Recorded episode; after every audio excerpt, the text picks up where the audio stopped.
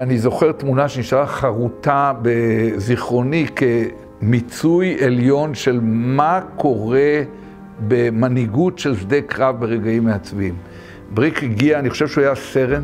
אני רואה הולך בן אדם, שאני הכרתי אותו באופן חטוף, ואני רואה שאחריו הולכים איזה ארבעה קצינים ועוד איזה כמה חיילים. הולכים ואתה רואה על הפנים הכבויות שלהם שהם הולכים כמו אווזים אחרי האימא. זאת אומרת, הם כמעט פיזית לא רוצים להתרחק ממנו. ראית את הכוח של מנהיג. ואין מבחן קשה יותר, זה אולי המבחן הקשה ביותר לרוח האדם, זה הובלת אנשים מול אש, כשהם בטוחים שהם הולכים להרג והם בכל זאת איתך והולכים איתך ואתה מוציא אותם משם.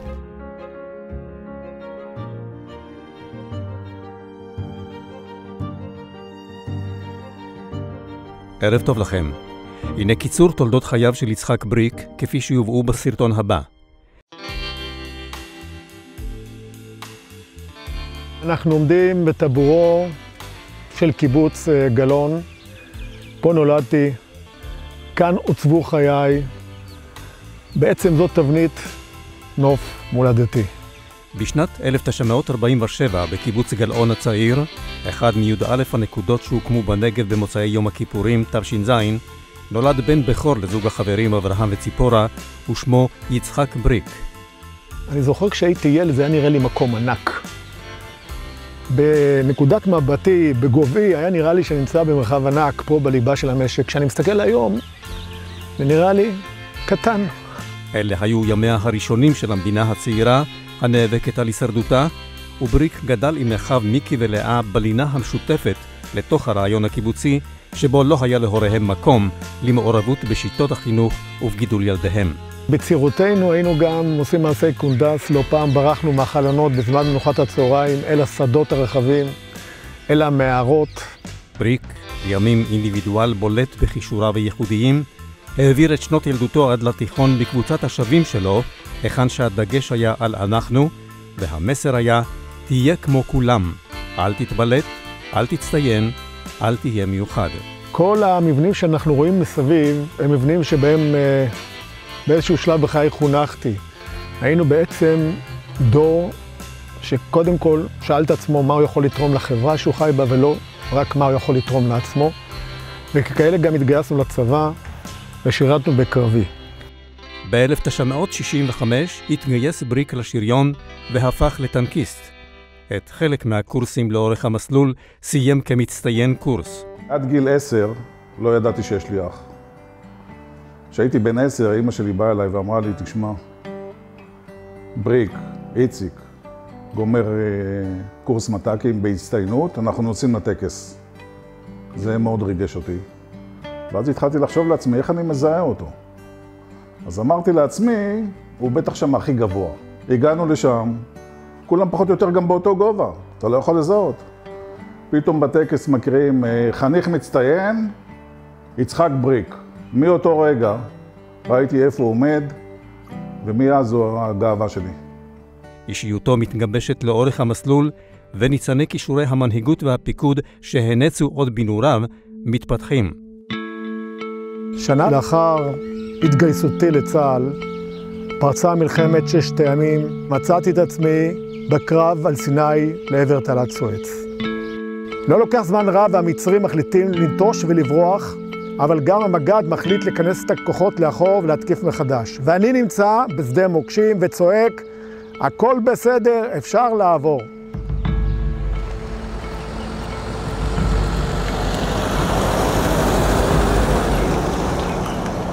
הגדוד יוצא להתקפה מחודשת, עוקף את היעד, ממשיך לעבר סיני, ואני, מספר טנקים, נשאר בשדה המוקשים לאורך כל המלחמה. הרשימה של הנעדרים עברה כל יום לבאר שבע, ומקיבוץ גלאון יצא חבר קיבוץ שקראו לו יוסף חצרוני. ויום אחד הוא מגיע ואומרים לו, ברשימה יש בחור מהקיבוץ, קוראים לו יצחק בריק, שהוא נעדר כבר שלושה ימים. בגדוד מדווחים שהוא לא קיים. יוסף חצרוני עמום עם הידיעה, מגיע עטוף סוד למשק, אבל כמו שאתה מכיר, לכל אחד יש חבר אחד שלו הוא לוחש. אני מזהה מסוק ישראלי מעל ראשנו. אני מנפף לו בבד לבן, שאל אותי לאן להביא אתכם. אמרתי לג'וליס, על יד אשקלון, בסיס שממנו יצאנו. הוא הנחית אותנו ממש על יד השער, ואני הולך, פתאום רואה אותי המג"ד שוהם, ואז אני מספר לו את הסיפור, הוא אומר לי, תקשיב, קח את עצמך מהר הביתה. אני יוצא, עולה על טרמפ, מגיע פה לצומת למטה שממשיכה לבית ניר, ומתחיל לעלות ברגל לקיבוץ. במקום הזה בדיוק עומד חבר קיבוץ, ואני רואה אותו מסתכל על הדמות שעולה מלמטה למעלה. וככל שאני מתקרב אליו, ככה הוא יותר מתכווץ. ואני מתקרב, והוא מתכווץ. ואני מתקרב, והוא מתכווץ. כשאני מגיע עשרה מטר ממנו, הוא צועק לי, מי אתה? אני מסתכל עליו ואומר לו, ינקל, שמי איציק בריק, אתה לא מכיר אותי? אז הוא אומר לי, איציק מת! אמרתי לו, ינקל זה אני, בוא תיגע. כל החברים יוצאים מהחדר אוכל, תופסים אותי על הידיים וזורקים אותי, הוא חי, הוא חי, הוא חי. וכאן אני מרגיש את חוויית חיי. לשמור על הקיבוץ שלי, לשמור על החברים שלי. כשאני חזרתי, הם הניפו אותי בשמיים וצרחו משמחה, הוא חי, הוא חי.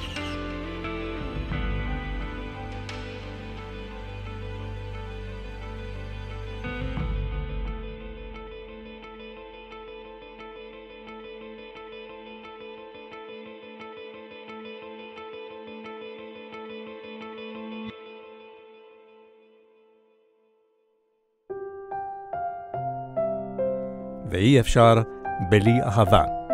כבר בסדיר התאהב בריק בהגר, חיילת מקיבוץ שובל שהייתה עם אחותו לאה בטירונות. כשהגר השתחררה מצה"ל הם נישאו. אימא שלי, כשהיא פגשה את איציק, אז היא אמרה, עם האיש הזה תוכלי לעבור את הכביש. הגר היא הבן אדם הכי חשוב בחיים של איציק. היא הכל. היא בודה. היא בודה. היא גלגול של בודה. הדבר היחידי שהיא קיבלה ממנו זה את האהבה שלו. הוא אוהב אותה. איציק נשלח מטעם הקיבוץ ללמוד הנדסת תעשייה וניהול בטכניון, ובסיום לימודיו חזר הצעיר המבטיח לקיבוץ על מנת להיות מרכז המשק.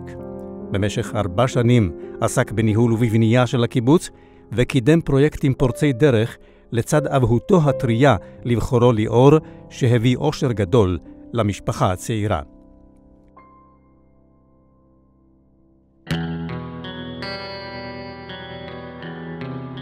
האופוריה נקטעה במלחמת יום כיפור, הקשה והאכזרית מכל מלחמה.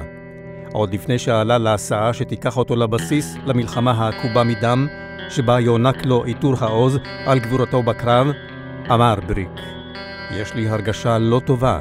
הפעם זה הולך להיות סיפור שונה לגמרי ממה שהכרנו עד כה. לעמוד עם ארבעה טנקים מול חטיבת טנקים מתפרצת קדימה, שמנצלת הצלחה אחרי שהביסו אותנו בהתקפה הזאת, עומד ויורה כמו מטורף, אני פוגע והם לא פוגעים בי, אחרי ש-25 טנקים בוערים הם נעצרים. טירוף. אבל הטירוף הזה, זה הטירוף של העיטור העוז, וזה הטירוף שבעצם יצר לי הרגשת סיפוק אדירה. כשאני יושב על הטנק הזה, כל המראות האלה חוזרות אליי. גדלתי בתוך הטנקים, נלחמתי בתוכם, חבריי נהרגו אפילו בתוך הטנק שלי. ובעצם החוויה הזאת הולכת איתי עד היום. וברור לך שגם אתה הלום קרב, כך או אחר. אני לא מגדיר את עצמי כהלום קרב. אני שרוט, אבל שרוט חיובי. כלומר, אני מתנהל נכון. אני חושב שאחד הדברים שאולי בניגוד לאחרים הבנתי מהר מאוד, שאני אה, לא הולך עם ה... ומפנים את, ה... את הדבר הזה בפנים, אלא אני מוציא אותו. אני מרצה היום על מלחמת יום כיפור, על ה... מה אני חוויתי. בריק הוא חבר נאמן שרואה בחברות ערך עליון. בחיים, בקרב, וגם בקשריו עם משפחות אלו שלא שבו ממנו. כשהוא סיים את המלחמה הוא לא חזר הביתה עם הרחמים העצמיים, אלא הוא נשאר. הוא נשאר לנקות שולחן. הוא נשאר לטפל בכל הדברים, לשקם את הצבא. לטפל במה שצריך טיפול, ובעיקר ללכת ממשפחה למשפחה.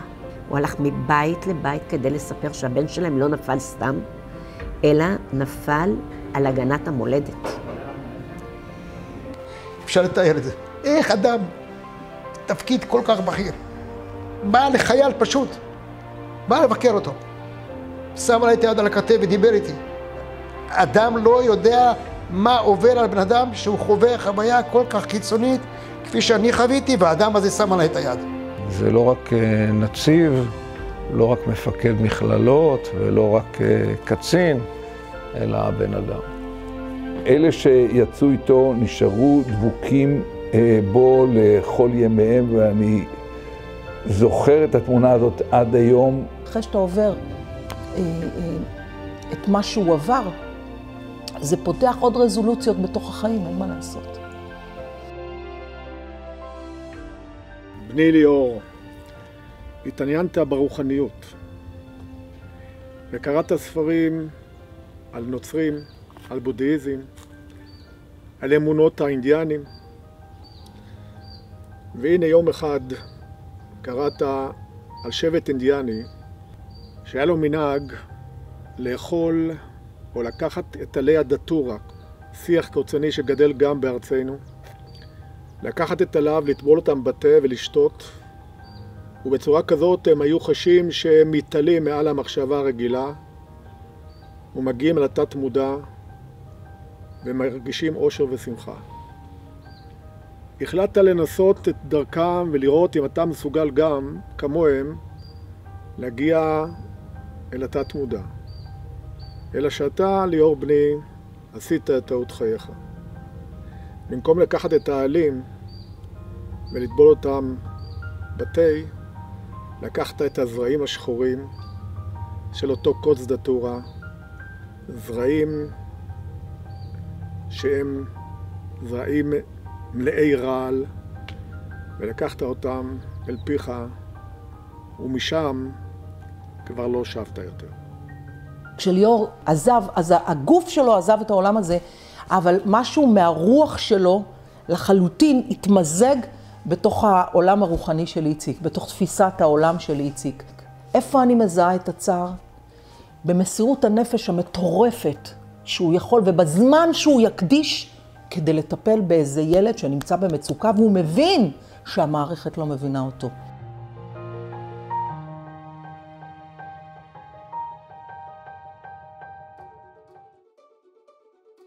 יום שישי, אני יושב במשרדי בגלילות. בסביבות 11 בצהריים, טלפון. על הקו, סטף ורטיימר. שלום בריק, מעולם לא נפגשנו, אבל הייתי מעוניין מאוד להיפגש איתך ולשוחח איתך. אשמח מאוד, אמרתי לו, רק תגיד לי מתי. הוא אומר, היום. אמרתי לו, סטף, איפה אתה נמצא כרגע? הוא אומר לי, אני בתפן. מגלילות עד תפן זה שעתיים וחצי נסיעה, 11 בצהריים יום שישי. האם אתה באמת מתכוון שאני עכשיו אעלה על רכב ואסע ואגיע בסביבות שלוש אליך? הוא אומר לי, בריק, המסוק שלי מחכה לך בשדה תעופה, תגיע איתו. בשובו לאזרחות, בריק לא נח לרגע. למשך כמעט עשור עסק בפיתוח הפריפריה. הוא היה לעוזרו של סטף ורטהיימר בפיתוח הנגב והגליל, נענה לקריאת ראשי הערים וקיבל על עצמו את תפקיד מרכז פורום ראשי הערים והרשויות, שם פעל רבות לקידום ופיתוח פרויקטים משמעותיים בנגב ובגליל.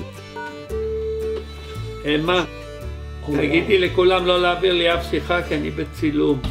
גיבשת אותם. זה לא היה. מאירה. כן. תבדקי מתי יש רכבת ישירה על תל אביב. היום? אתה צריך לראות את התחנה. ביום שרכבת עשה את הנסיעה הראשונה צפונה לכרמיאל, התקשרתי לטלפון לבריק, אמרתי, שמע, כולם ברכבת, אף אחד לא יודע איפה זה התחיל. אבל אם היום יש את תחנת כרמיאל, צריך לקרוא אותה על השם של יצחק בריק, כי הוא האיש שדפק את המסמר בזמן הנכון ודחף אותה קדימה. נוסף על כך, בריק שימש יושב ראש הוועד המנהל של מכללת עמק יזרעאל במשך שמונה שנים, והיה יועץ אסטרטגי של קרן רש"י, הפועלת לקידום ילדים באוכלוסיות מוחלשות. הדבר הכי מיוחד בו שהוא עיוור צבעים. הוא לא רואה ערבים, ולא רואה יהודים, ולא רואה עשירים, ולא רואה עניים, הוא רואה בני אדם. וזה מאוד נדיר במחוזותינו. הכרתי מעט אנשים שהייתה בהם כזאת אה, צניעות וכזאת אה, התמסרות לרעיון ולמשימה. יש לו איזה מין כוח אדיר שהוא שואב דווקא כשהתובנות מגיעות מלמטה. ולא שמישהו מייצר עבור השטח או עבור השדה את הפתרונות. בשנת 2008 מונה בריק הילד מהקיבוץ שהקדיש את חייו להגנתה ועיצוב פניה של המדינה עמה הוא חוגג יום הולדת, לתפקיד נציב קבילות החיילים. בריק היה הרבה מעבר לנציב קבילות חיילים, הוא היה מפקד. הכוח העיקרי שלו הוא לא מהסמכות הפורמלית, הוא לא מה שכתוב בחוק של נציב הקבילות, הוא מאישיותו היוצאת הדופן. וכמובן, בריק עיצב את התפקיד בדמותו ועל פי חזונו. לא רק מענה לתלונות, אלא עיצוב פני שדרת המפקדים של יום המחר. הוא יוצר דור חדש של מפקדים עם איכות אחרת, עם חשיבה מחוץ לקופסה. וגם כשהייתה קבילה, אז הוא היה שואל קודם כל את הקובל, האם פנית למפקד שלך? וזה חסך המון. הוא כותב את הדוח שלו בלי בכלל להתחשב במה יגידו ואיך יתייחסו, אלא אה, באמת הוא כפוף אה, לשר הביטחון, או שהוא לא כפוף בכלל בעצם לאף אחד, הוא ככה לפחות מתנהג. הוא לא מתכופף בפני אף אחד, ושם בפני כולנו מראה, גם אם המראות לא תמיד נעימים. איך אומרים בעברית? הוא לא רואה בעיניים. קצין שהיה לוחם, גדל מלמטה, יודע על מה הוא מדבר כשמדובר על הוויה צבאית, לא תיאוריה, אלא מתוך ניסיון. יצחק בריק הוא בשבילי המוהיקני האחרון. האני מאמין של בריק. מפקד צריך להיות קשוב לחייל כאדם.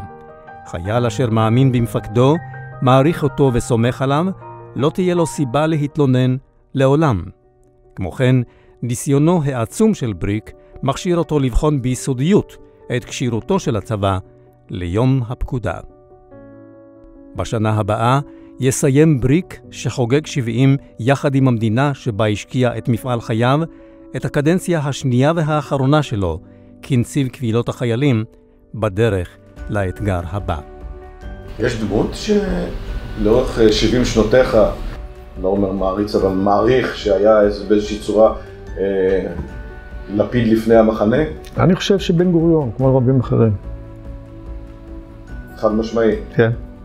אני חושב שאני לוקח ממנו את האומץ, את עומק החשיבה, לא שאלו היו לו טעויות, זה ברור לכולנו.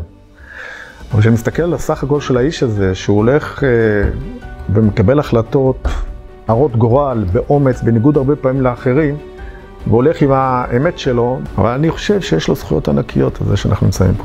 אז עכשיו יש תוכניות לעתיד? יש משהו שעצרת בגיל 70 ואמרת, רגע, את זה עוד לא עשיתי ואת זה אני הולך לעשות? תראה, אני אה, שואל את עצמי מה בעוד שנה, אני הרי בעוד שנה מסיים פה את תפקידי, ובהחלט כבר ביקשו ממני אה, לקחת על עצמי כמה פרויקטים חינוכיים, ואני חושב שאני עוסק בחינוך ואני אשמח לעשות את זה. חינוך. חינוך. רוצה להמשיך אה, לגעת באנשים. דמות מופת. תודה על מי שאתה, המון מזל טוב. אני שמח שאני יכול לקרוא לך חבר.